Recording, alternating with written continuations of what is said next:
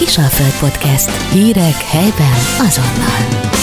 Ígéretem szerint Bana József ismételten január egyik első, talán a legelső, de mondhatjuk, hogy az egyik podcast vendégem, illetve mély interjú vendégem legutoljára, ugye decemberben hallhattunk városunk díszpolgárát, nyugalmazott levéltárigazgatót, akivel nagyon-nagyon sok mindent Szent István helyett, ugye István diakónustól elindultunk ugye a reformáció, aztán rekatolizáció, volt itt kérem szépen minden, hogy az emberek hogy éltek és mennyire várják a kis Jézus megszületését. Most ugye januárt írunk, amikor általában ebbe a atomkorban, mondhatjuk a 21. században kicsit olyan pihenős ez, még a GDP-ben is lehet érzékelni, hogy nem ez a termelésünk legmagasabb amplitúdója, hogyha úgy nézzük, hogy mondjuk 12 hónapot nézünk, mert ilyenkor pihenünk, nem foglalkozunk még azzal a dolgokkal, késleltetjük az év akár gazdasági, akár emocionális indítását. Hogy volt ez régen, kedves József? Meg közben meg azért mindig gondolkozunk azon is, hogy hát a báli szezon. Nálunk most ez a két-két és fél év Covid elég rendesen agyon nyomta, mert ha jól tudom, most médiabárra készülünk, orvosbár, lokálpatriótabár, rengeteg volt. Ezt ugye online nem lehet me- megtenni, tehát ne, ne is erről beszéljünk, hogy milyen volt abban az időben az évkezdés. Köszöntelek szeretettel ismét. Én is köszöntök mindenkit. Hát még azt kell, hogy mondjuk, hogy ez a január első hete, ez még kicsit a karácsonyünnepnek az áthúzódása volt, tehát eh, még a egyházi szempontból is ugye január 6-áig. Így van ez, a vízkereszt, ez, még, ez még mindenki kitartott, és aztán vízkeresztől kezdődött ugye a farsangi szezon is, és annyi volt a régen mondjuk a dualizmus időszakában és a különbség a mai ahhoz képest, hogy ez egy rendkívül erőteljes volt a farsangi báloknak a szerepköre. Egyrészt egy ilyen kisváros, mert Győr még akkor egy olyan 30-35 ezeres város volt mondjuk a 20. század elején, hogy, hogy tulajdonképpen rengeteg egyesület létezett. Tehát nem csak sportegyesületek, csupa furcsa olyan egyesület, amit nem is a fülünk számára is olyan furcsa, hogy létezett vagy 70-80 temetkezési egylet. Ami azt célozta, hogy különböző szakmák hát összejöttek, és akkor az volt, hogy hát a temetés az akkor is horribilis összeg volt, és akkor arra segélyegyletekként is működtek, de emellett természetesen ebből nem lehet megélni, hogy valaki hozzáértem, hanem ezek ugyanúgy tartottak bálokat, tudni, hogy ünnepélyeket, tehát ezek rendszeresen összejöttek, vagy voltak egészen furcsa egyesületek is, például a Győrbe is létezett 1912 a törvényhatósági szolgák egyesülete, akik hát ugye a, a, hát a a foglyokat őrizgették, és hát akkor láttam ilyen,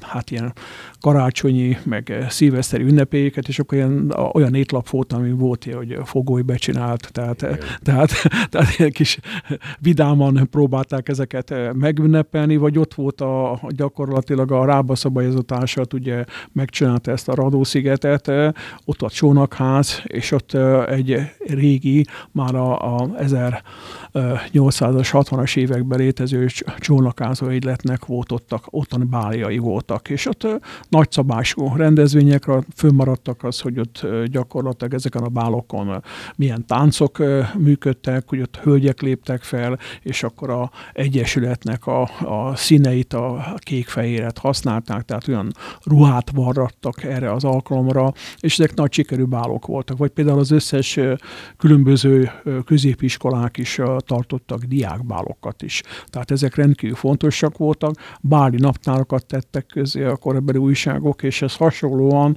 ez inkább a németektől, az osztrákokkal jött ennek a rendszerének a kidolgozottsága, vagy a különböző közigazgatási testületek is tartottak bálokat, tehát ezek azért rendszeresek voltak, és ezekről kisebb hírek, cikkek a koribai újságokba, mint nevezetesség azért bekerültek. Ezt nyugodtan mondhatjuk, hogy a bálnak, a báli szezonnak egy ilyen társadalmi rangja volt, a kevésbé szellemileg egyéb anyagilag ellátott emberek, vagy nem voltak annyira magasan kvalifikálva, nekik is fontos volt ez, mert nálunk például ugye a barokbál, akár a fesztivál körképünket nézzük, még akkor is, ha egy-két helyről támadják, meg kicsit meg kellene újítani, vagy jobban belevonni akár mondjuk a belvárost, akár a kereskedőket, azért az egyik emblematikus része a fesztivál szezonunknak, mondjuk a barok, de nyilván vissza, visszamehetünk, látványos, szép, azon kívül, hogy valamit lezárt, valamit kezd, mi volt a báli szezonnak, és nem kifejezetten elmondva, mert tényleg én párat felsoroltam, 4 5 5 szerintem 8-9 van, ahogy mondtad, hogy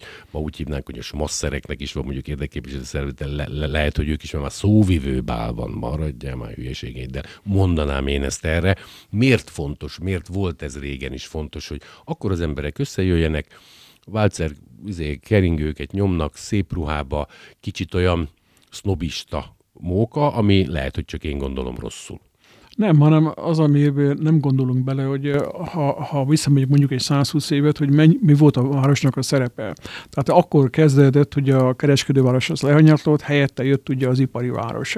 Ez azt jelentette, hogy rengetegen laktak itt, éltek itt, akik részben a felvidékről, részben Alföldről, hogy a pénzüket hazaküldték. Voltak munkás arisztokraták is, akik, akiket megfizettek, sokszor Németországból, legkülönbözőbb helyekről hozták, gyáraknak szükség volt volt. És akkor megérte azt, mit tudom, 908-ban, hogy egy, egy nagyon nagy tudású szakmunkás, az kapott kulcsakész lakást 1908-ban a várostól, hogy jöjjön ide és dolgozzon itt, hiszen a pénz a, akár a Németországban, akár itt a területünkön az, az, az fényesen jó pénz volt abban az időszakban. Nagyon tehát, érdekes. Tehát létezett, és ezért az, hogy ez egy óriási vonzás között volt, és azt is jelentette, hogy, hogy kezdett kiépülni a, a modern szállodaipar, tehát például a Royal, ahol szintén komoly bárok voltak, akkor volt a Hungária nevezető, ahol esté, esténként óriási mennyiségű biliárdasztálnál ott dolgoztak, és a, ezek a kávéházi egységek is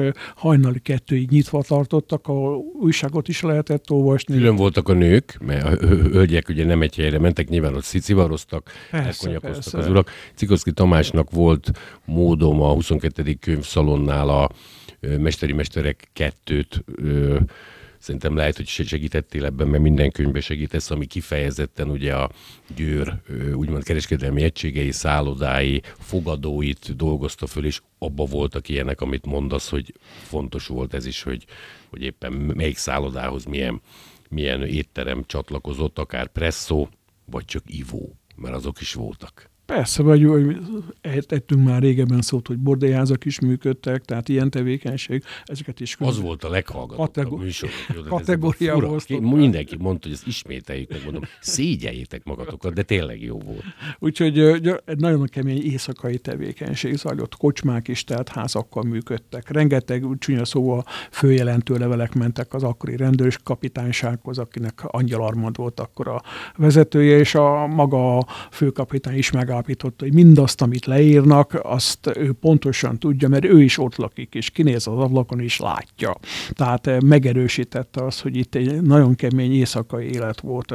Ekkor kezdtek eh, az első ilyen, olyan típusú kávéházak, amik már össze voltak kötve a mozikkal. Tehát ezek ne úgy képzeljük, hogy nagy játékfilmek, hanem ilyen három-négy perces eh, alkotások, és ugye még ezek nem hangos filmek, hanem zongoráztak alatt, ezek is elkezdtek működni. Ezeket már, már gyakorlatilag az első első világháború már szabályozták, tehát már a városnak volt a mozikkal kapcsolatos szabályrendeletek, korszakokat osztottak szét, tehát ezeknek is rengeteg ilyen hatása volt.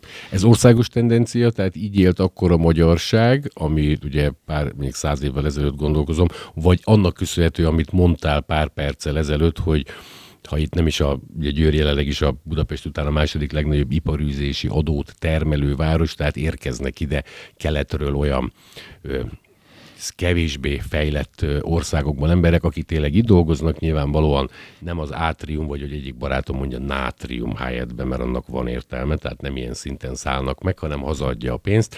Ebből adódóan azért ő itt marad, nem szlumosodik ezzel egy kicsit, a, vagy ak- akkor a város, hogy hát so- sokan vagyunk, sok a melós, nem olvas, este piál, mert azért a pia segít ahhoz, hogy másnap újra kezd a munkát, vagy ez inkább egy ilyen kis polgári attitűd megjelenése volt? Én azt hiszem, hogy abban a korszakban a város vonzó volt mindenki számára. Tehát azt jelenti, hogy nagyon helyesen megállapított, hogy nagyon sokan dolgoztak, akik esetenként nem is itt laktak, hanem a környező falvakban, településeken, akkor még Réfalusra tartozott a elejében Győrhöz, de ott Szent Iványon is, tehát munkás családok, kolóniák telepettek le, akik nyilván a hiányzott számukra a család, tehát az ő éjszakai vagy egyéb szórakoztatásokat is meg kellett oldani, tehát ebbe is belejátszott. Meg se volt még, hogy hazamenj két óra alatt, tehát azért más világ volt. Persze, nem? tehát, és vagy mondjuk egy a legfurcsább tevékenység, mondjuk említett bordéház, hogy, a, hogy bizonyos utcákról kitiltották, hogy diákok ott szobát foglaljanak, mert hát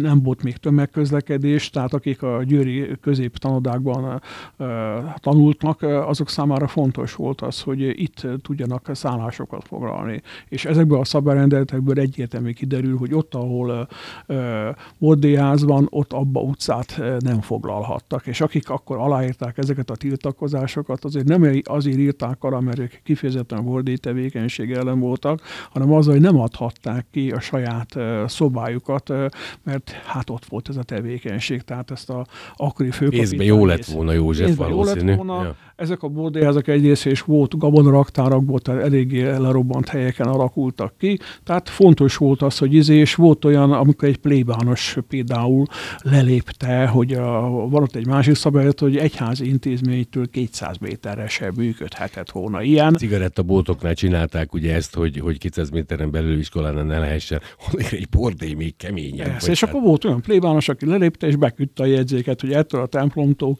200 méterre van az X üzemegység. Tehát ezek azért létező problematikák voltak, tehát egy más gondolatvilág, vagy amikor belegondolunk, hogy a, a belvárosnak is vannak most is csúnya szóval ilyen kicsit lerobbant részei, ezek nagyságrendileg megfelelnek azokkal, akik valaha voltak, és akkor sokan elmékedtek azt, hogy hogy a jó Istenben van az, hogy itt ez egy gazdag város volt valami. Miért hagyják, ugye, vagy egyetem miért van? Miért alakult ki az, hogy gyakorlatilag mondjuk a Széchenyi tértől már 50 méterre vannak teljesen lerobbant épületek, és ezek száz éve is lerobbant épületek. Tehát Igen. mentek a, ezzel kapcsolatos elképzelések, tiltakozások, és ma, ha nézünk, ma is küzdhetünk ugye ezekkel a problémákkal. Még ha ezek nem is no zónák, tehát annyira nem kell félni, mint bár a Brüsszelbe, Európai Unióban sincs, meg, megmondták a nagyok, aztán közben de. Ott de. a muzulmának állnak körbe, az ég, égetnek ilyen plédobozokba, de hát ugye ezek szerint nincs is, ugye amit nem látunk, az nincs is. A sajtónak óriási szerepe van ebbe, hogy sokszor ugye dezinformál, illetve félreinformál minket. József, ez, amiről beszélsz, ez nagy részt, ugye, amit nekünk mindig mondják, hogy csodakorszak volt, sok mindenbe jöttek ide értelmes emberek. 1867 és 1914, ez volt Győrnek is a teteje. Mindjárt mondod az elevátorházat, meg egyebek, mert ugye a világháborútól számíthatjuk ugye a meghalt 16-ban a Ferenc József, 18, oké, okay, 20, Trianon, nyilván ne én mondjam, hanem te. Jól tipizálom ezt a kort? Vagy annyiban, hogy később kezdődött, mert gyakorlatilag a, volt egy pangás, tehát a, mondjuk a kiegyezés időszaka, ami nekünk fontos, az azt megelőző tíz évben már a, a mint kereskedelmi központ megszűntünk, és ez egy recesszió. Tehát amikor például egy, a Révai, ami főreáliskolaként létesül a 870-es években, akkor pótadót vetettek ki a népre, hogy hát ezt mégis finanszírozni kell. Tehát nem volt egy recesszió volt, és a ipari negyednek a kitalálása az, amit nem hívtak így, mert nem hívtak sehogy se. Amit mi most ipari parknak ipari hívunk. parknak hívunk, annak a kitalációja, annak a megvalósítása, itt nem csak a vagongyára gondolok, hanem, hanem az összes textilipari központok, a Gráb, a Rihac, a, a olajgyártók, ez, tehát itt rengeteg ilyen ipari tevékenység, vagy korábban a, a gabonaiparban, vagy a mezőgazdasági gépgyártásban játszottunk nagyon fontos szerepet, ezek, ezek így meggyökerezettek. Ezeknek volt egy ilyen fontos hatása, hogy hogy akkor, amikor elfelé fordult a város, ez már inkább a 890-es években, tehát a Szekmeister korszakban kezdődik, akkor van egy olyan 20 év, amikor a bevételeket megtripláztuk. Tehát ez annyira unikális volt az, hogy megelőzte a nálunk egyébként szerencsésebb adottságokkal rendelkező, akár Székesfehérvárt, akár Komáromot, akár Soponon. Tehát itt valami újdonság jött létre. Ez részben cseh, morva, osztrák tőke befektetők jelentek meg, akik azért jöttek ide, mert a munkást azt így megkapták, egy szakképzett, magas műveltségű munkás réteg lakott itt a környékünkön, másrészt meg ők ezeket a telekeket ingyen kapták, sőt esetleg közművesítve. És akkor, amit sokan nem tudnak, hogy a város területén lévő ipari vállalatoknak a, a alatti földek az egyébként ebben a korszakban a városnak a nevén voltak. Vagy mondjuk egy furcsa dolog, hogy a, a Frigyes laktanya esetét említem 1593-ban létesítették, hogy azt tulajdonképpen a, a város erre kölcsönöket vett föl 5%-ra, megépítette, majd bérletbe kiadta a hadseregnek, tehát rögtön bevételt termelt ez az egység, tehát ez egy gazdálkodási tevékenység, és az egy, az egy katonai központ, az fontos volt, hogy a legnagyobb gyárunk nem a vagongyár volt, hanem a 12-ben létrehozott ágyúgyár volt. Minden tizedik győri ott dolgozott, és azért emlékszünk rá, mert ugye ezt a első világháború bukását követően a románok becsomagolták és hazavitték. Csináltak ilyet József? Igen, sajnos, neki. sajnos ha egy kicsit áttérhetnénk, mert ugye beszélgetésünk másik részében imádok vele beszélgetni, ezt mindig elmondom, de a végén már ilyen kétes gondolatokba ébreszthet emberekbe, de nem, hanem ugye az ipsa scientia potestas ezt az rád biztos, hogy érvényes. Nem fordítom le, nézzük meg latinul, beszélgettünk múltkor ugye, hogy mikortól tudták a Bibliát is ugye nem latinul, hanem saját nyelven olvasni. Milyen olyan események várhatók az évben, amiről mindenképpen nem csak úgy kellene megemlékezni, ahogy szoktunk, mert hál' Istennek én azt mondom, hogy ez a városvezetés 21 óta ugye figyel erre jobban. Például itt kicsit világháborúztunk meg a románok, ugye összecsomagolták az ágyügyárat, például a budapesti, budapesti, az amerikai bombázás, ugye a Torkos kastély 80 éves évfordulója lesz, ahol az egyetem is mindig mellé szokott állni. Mi van még ilyen, mert a zsidósághoz köthető komoly évszámot is köszöntünk, és kutya kötelességünk erről megemlékezni, sőt, akár állítani valamit 24-be, erről, ha beszámolnál nekünk. Köszönöm. Tudom, hogy az időnk nem lesz elég, de sose elég. Hát valóban a holokausznak is most egy sajátságos évfordulója lesz, és erre itt Győrbe komolyan készülnek, hogy nyáron lesznek vetélkedők, tehát egy olyan típusú tevékenység fog itt zajlódni, ami hát országos tekintetben is mindenképpen egyedülálló, erre egy külön egyesület is szerveződött. Nagyon sok intézmény, iskola, Panolhalmától, Győrből ezekben szerepet játszik. A város is tervez egy nagyszabású emlékművet állítani ennek a tiszteletére, hiszen meg kell jegyeznünk azt, hogy, hogy gyakorlatilag megközelítőleg mint egy 5000 embernek a, a eltűnéséről beszélhetünk, ami a holokausznak az áldozatai volt. Itt nem csak győriek, hanem győr környékiek is életüket vesztették, és hát erről egy méltó megemlékezést mindenképpen meg kell ejteni. Ez egy állandó memento mementónak képzeljük Ez egy állandó el. mementó, ami a Riói Gimnázium mellett fog megvalósulni, ki van már jelölve a helyszíne, és zajlanak már az ezzel kapcsolatos elképzeléseknek az egyeztetése a város kezdeményezésére. Amerikai bombázások, ugye erről is érdekes könyvek jelentek meg, néha én, amikor veled beszélgetek, akkor ilyet hallok, aztán a székely szinte ugyanazt mondja, Szabó Gyulában néha szoktam, hogy ez tényleg úgy történt, ami számomra elképzelhetetlen, hogy ezek Olaszországból jöttek vissza, és a terhüket úgymond nem akarta hazavinni, ezért úgy szimplán ledobta, tehát én azt mondom, hogy nyilván egy amerikai pilóta vagyok, akkor azért csak megyek egy kört, és megpróbálom az amúgy már tökre lebombázott vagongyár fölé nyomni, de ezek ugye civil helyre, tehát 79 áldozattal járt ez, így volt ez három mondattal, illetve ennek is a 80. évfordulója van, hogy kijöjjek a mondatból. Én azt tudom azt, hogy sok kényszerképzet is van ezzel kapcsolatban. Valójában sokkal több bombázás volt, csak nyilván súlyosságát tekintve mind a mai napig a 44 április 13 viszi a primet, hiszen ennek több mint 500 áldozata volt. Az összes többi, ami ezután következett, az még egy 24 darab bombázás, tehát ez, ez annak már egy olyan... Civil célpontokat mondasz, vagy ám? Nem, ezek hadi, hadi, hadi központok, tehát Győrbe ebben az időszakban 80 helyen volt hadipari termelés termelés, tehát nem csak a vagongyár volt ilyen tekintetben, ezt a kintiek is tudták. Még és... a Messerschmittre koncentrálódunk, hogy azokat kellett elpusztítani. Volt még más is, gondolom. Volt is más, és nem is a, mire a mi a Messerschmitteket elkezdtük gyártani, abból nem sokat tudtunk legyártani, tehát e, e, nem ez volt a főprofil, hát itt azért nagyon komoly harcászati gépek voltak a vagongyárban is. Persze ez az egyik. A másik meg, hogy hogy uh, tulajdonképpen ez a 25 stratégiai bomba utolsó kettő, azt már az oroszok hajtották végre. Ez uh, gyakorlatilag uh, mindegyikről K-jelentések készültek, rengeteg fotódokumentáció készült, nem abból a célból, hogy emléket állítsunk, hanem a kártételek. Háború után úgy gondoltuk, hogy valakinek ezt majd bele egy gyújtani, külön térképek készültek a bomba. Ha a koronát majd visszaadjátok, gondolok az amcsirodát, az jóval későbbi történet. Igen, hát volt, volt, volt, aki leírta a háborús kártételek kapcsán, hogy Google-ba is kibírja még az oroszok azok innen kibinulnak, nem bírtak ki. Tehát azért ezt be kell jelenteni, hogy, hogy sokkal több az áldozat, és akkor itt nem csak a, mondom, hogy a, a zsidóságot veszítettük el, hanem gyakorlatilag a lakosságnak a két a zsidóság felett is ezeknek az áldozatává vált, hiszen itt nem csak itt katonai események is zajlottak a utolsó percben, amikor elfoglalták március 28-29-én zajlottak itt a Győrnek a, a Vörös Hadsereg általi bevétele, hidakat robbantottak fel, és a romvárosok sorrendjében a negyedik előkelő helyet kaptuk. Tehát ez mind a tekintetben Magyarországon is egy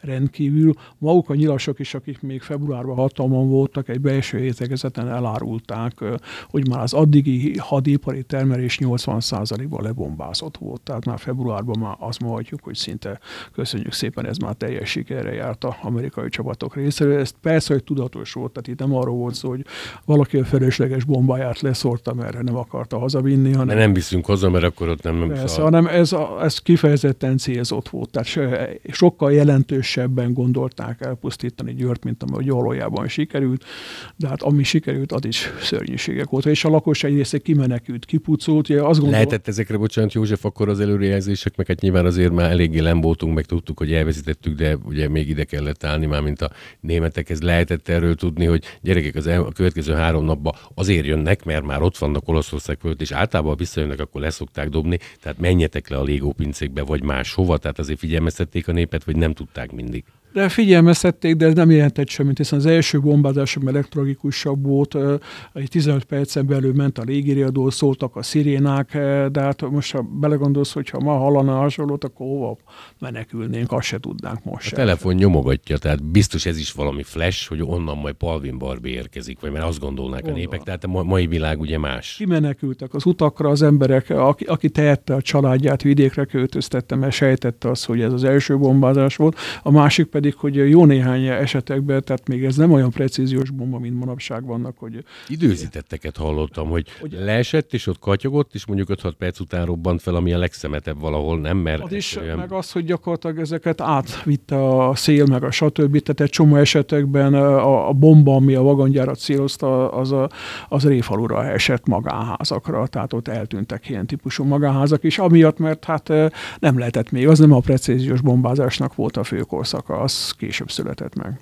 Milyen olyan évszámunk van fennmaradó 5 percben, ami ugye 2024 elejét írunk, ami szerinted mindenképpen csak azért merem mondani, mert 21-ben is arra nagyon sokat emlékszem, a múltkori podcast beszélgetésünkben, hogy említettük is, hogy én egy kicsit nagyobb teret szenteltem volna ugye diakónus Istvánunknak, ugye, akit megköveztek, és ő a nem csak pápa, hanem Győr megyei jogú város szentje, benne is van ugye a címerünkben, aztán nyilván Bolan polgármester úr elfogadta, de 5. István Persze. éppen akkor ugye fölülírt, fölülírta a történetet 1271-el. Van-e ilyen, amiről én se tudok, csak a Bana?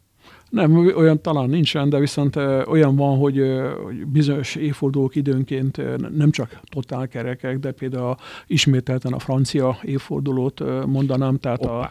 a 1890 napoloni csata, ugye amikor volt a kerek évforduló, akkor én rendeztem egy ilyen kétnapos Így konferenciát, a mai napig a interneten megtenni dupla kötetbe adtuk ki. Az egyiket elolvastam. És az, az a tanulság a dolognak, hogy korán sem volt az annyira szerencsétlen, mint hogy ez a történetben. 1809-et írunk írunk, aki esetleg nem És, és gyakorlatilag itt, itt lép eh, először föl Széchenyi, tehát aki eh, komoly hősteteket hajt eh, végre ebben a győri csatában, tehát ez egy mindenképpen egy megemlítése méltó dolog. Annak idején, amikor csináltuk a kiáltást, akkor gondoltuk, hogy a mezőgazdasági múzeum őriz egy lószobrot. A lónak az volt a szobra, hogy elment a csatából, és hazament Komáromba. És ennek szobrot állítottak ennek a pacnak, hogy a győri csatában fontos szerepet vitt. De még mindig maga... jobban jártunk, mint Kali Caligula, aki ugye szenátornak nevezte ki. Meg hát, Bukefaloszról is mondanak, mondta, hogy ez Nagy Sándor, úgyhogy ezek az érdekes sztorik. Igen, ez a korai császárkorban történtek Igen. ilyenek is, tehát valóban még szobrot is állítottak a pacinak, de hát, és azt mondják, hogy nagyon tiszta állat volt, tehát ugyan nem szólt szó egyszer sem hozzá, de kiváló szenátorként. József, óvakodjunk a bulvártól esetetbe, bár én szerintem te abba is jó vagy. Szégyen magam, megkérdezem, láttad a Napóleon filmet? Csak azért merem gondolni, mert Ridley Scott rendezés, aki esetleg nem látta, Joaquin Phoenix, akit most aki, ha csak azt nézzük, hogy a gladiátorban ugye Komodus császár, igen. Marcus Aurelius fia, aki valóban császár volt, tehát nem kamu. Nem tudom, hogy látta, de bocsáss meg, a végén. tegnap, meg, Na. tegnap megtekintettük. Tehát az új évet, az új évet akkor e- ezzel kezdted, ennek Igen. örülök.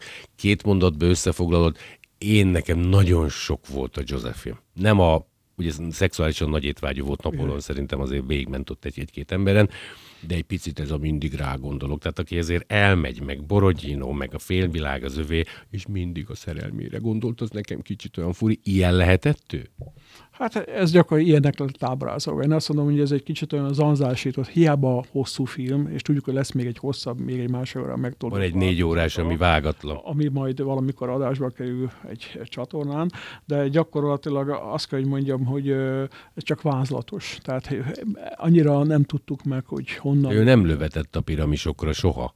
Lövetett? Tehát Nem, a, szerintem a Keopsra, nem. a Kefrémre, Ilyenekre nem, nem, de nem volt a tud- filmben.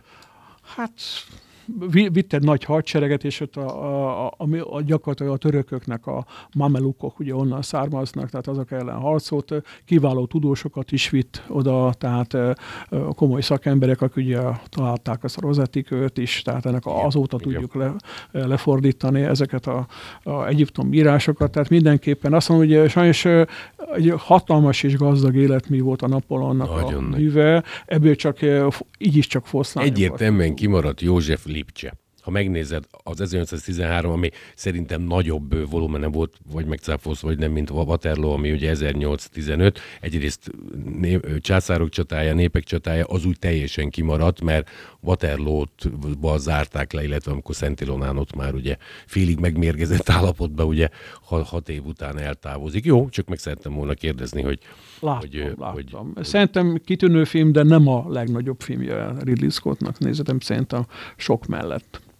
Tehát egy gladiátorhoz egy többihez nem mérhető. Szerintem Mert- nem, nem. De, de ettől függetlenül fontos alkotás, de mindenképpen érdemes, és nagyon népszerű is, tehát sokan látjogatják ezt a filmet.